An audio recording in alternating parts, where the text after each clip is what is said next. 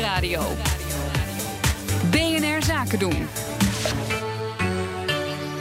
Ondernemersdesk. Buitenlandse kans voor ondernemers ligt vaak dichterbij dan je denkt. In de Ondernemersdesk Europa lichten we daarom al een tijdje op donderdag een Europees land uit waar zakelijke kansen liggen voor Nederlandse ondernemers. En dat doen we samen met de Rijksdienst voor Ondernemend Nederland. In opdracht van het ministerie van Buitenlandse Zaken struinen ze het buitenland af op zoek naar kansen voor onze ondernemers. En vandaag gaan we naar Duitsland, de Oosterburen, de belangrijkste Nederlandse handelspartner, denk ik zomaar. Er is net een Nederlandse handelsmissie naartoe gegaan, Tjerk. Ja, klopt. Nee, ja, naar, naar, Duitsland, onze, onze by far grootste handelspartner. Uh, meer dan 100 miljard uh, exporteren we. En afgelopen week zijn uh, in de kielzog van de koning en de koningin... daar mensen met een handelsmissie naartoe gegaan met minister Kaag. Onder andere op het gebied van wind op zee. En wind op zee is een, een hele belangrijke ontwikkeling in Duitsland... waar ze, nou, ze hebben de ambitie om 65% van hun energiegebruik, elektriciteitsgebruik, duurzaam te maken. En daar liggen dus enorme kansen ook op het gebied van wind op zee. Dat is enorm aan het groeien. En ook voor Nederlandse bedrijven liggen daar grote kansen. Ja, want ik dacht oorspronkelijk, die energiewende, dat is een Duits begrip. Uh, kunnen wij daar überhaupt nog iets aan toevoegen? Maar het antwoord is dus ja. Het antwoord is ja. We hebben als Nederland uh, niet per se zeg maar, allemaal hele grote uh, windmolens uh, die we verkopen. Maar wel heel veel kennis en bedrijven die bijvoorbeeld in de installatietechniek zitten. Maar ook heel veel kennis van de bodemontwikkeling. Grote bedrijven die daar actief in zijn.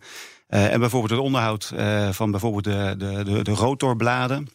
Daar kunnen we ook een hele belangrijke rol in spelen. Dus we hebben daar, daar hele grote, grote mogelijkheden. En ik denk dat het van belang is om uh, daar ook als Nederlandse ondernemer echt op in te spelen.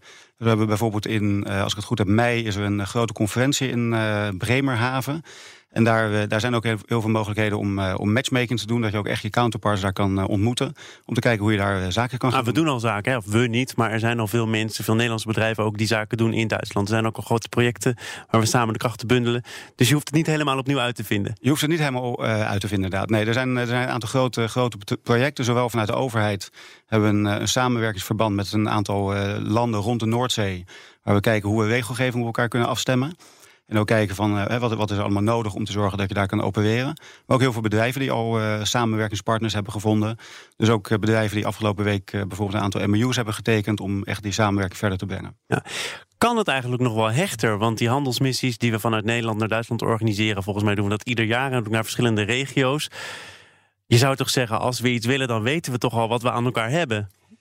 Ja, dat is heel, heel opmerkelijk. Duitsland is natuurlijk uh, nou, ons buurland. Uh, we kunnen daar heel veel, heel veel mogelijkheden vinden. En toch merk je dat uh, we ook bij de Duitsers vaak goed, goed erop staan. maar er ook wel heel veel onbekendheid is. Dat uiteindelijk toch men niet direct naar Nederland kijkt... en niet voldoende kennis heeft van de Nederlandse kennis en kunde. En daar blijken die, die handelsmissies ook enorm in te kunnen helpen... omdat het natuurlijk aandacht genereert...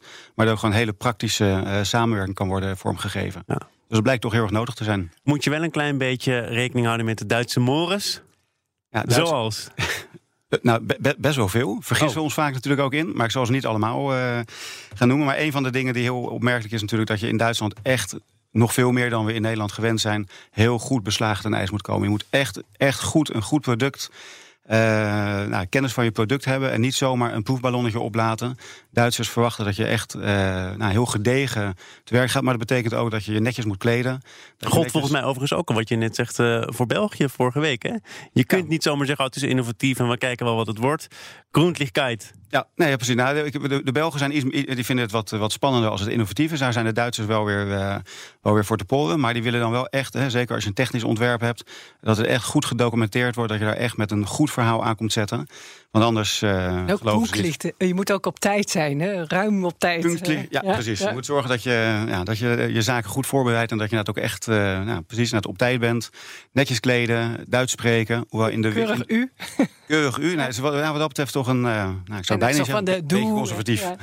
Ja, maar dat, dat Duits spreken, dat kwam inderdaad ook snel in het lijstje naar voren. Maar volgens mij staat, er, staat dat in Nederland heel erg onder druk. Als je nog kijkt waar je überhaupt Duits kunt studeren, dan moet je goed zoeken volgens mij. Eh, dat, dat zegt dus ook misschien dat wij ook onvoldoende doorhebben hoe belangrijk Duitsland als handelspartner is. Ja, nou, ik denk dat dat wel waar is. Dat, weinig, eh, dat veel mensen uiteindelijk onvoldoende rekening houden met, uh, met de kansen die er daar liggen. En in, inderdaad, in de voorbereiding is het heel verstandig om, om je goed, goed je Duits te kennen. Hoe in de windenergiesector blijkt dat dan weer net niet per se nodig zijn, want daar mag je met Engels ook gewoon prima spreken. Dus dat, dat is dan weer een voordeel. Kunnen jullie nog iets betekenen voor mensen die grote plannen in Duitsland uh, nu plotseling hebben? Ja, nou bijvoorbeeld uh, die, die, bijeenkomst uh, Windforce 19, waar ik het over had. Daar verzorgen wij de matchmaking samen met de partners van het European Enterprise Network. Dus op onze website kunnen mensen zich ook aanmelden, rvo.nl. En daar, daar zorgen wij dat actief de mensen ook aan elkaar gematcht worden en de bedrijven elkaar goed weten te vinden. Je ziet er zelf trouwens er strak uit. Lijkt net alsof je zo meteen een afspraak hebt in Duitsland. Ja, ik dacht, ik doe voor deze gelegenheid doe ik, uh, ga ik mij netjes zoals de Duitsers dat graag zien. Met een, een overigens een Duitse voorzitterschapsdas. Um, voor deze keer. Ja, nou ja, het, het heeft gewerkt. Tjerk Opmeer van de Rijksdienst voor Ondernemend Nederland. Dankjewel. Volgende week gaan we naar Roemenië. Ja, we gaan naar eh, Roemenië. Huidig Europees uh, voorzitterschap. En daar zien we heel veel kansen in de fruitsector. Dus daar willen we het graag over hebben. Tot dan. Dankjewel. BNR Nieuwsradio zaken doen.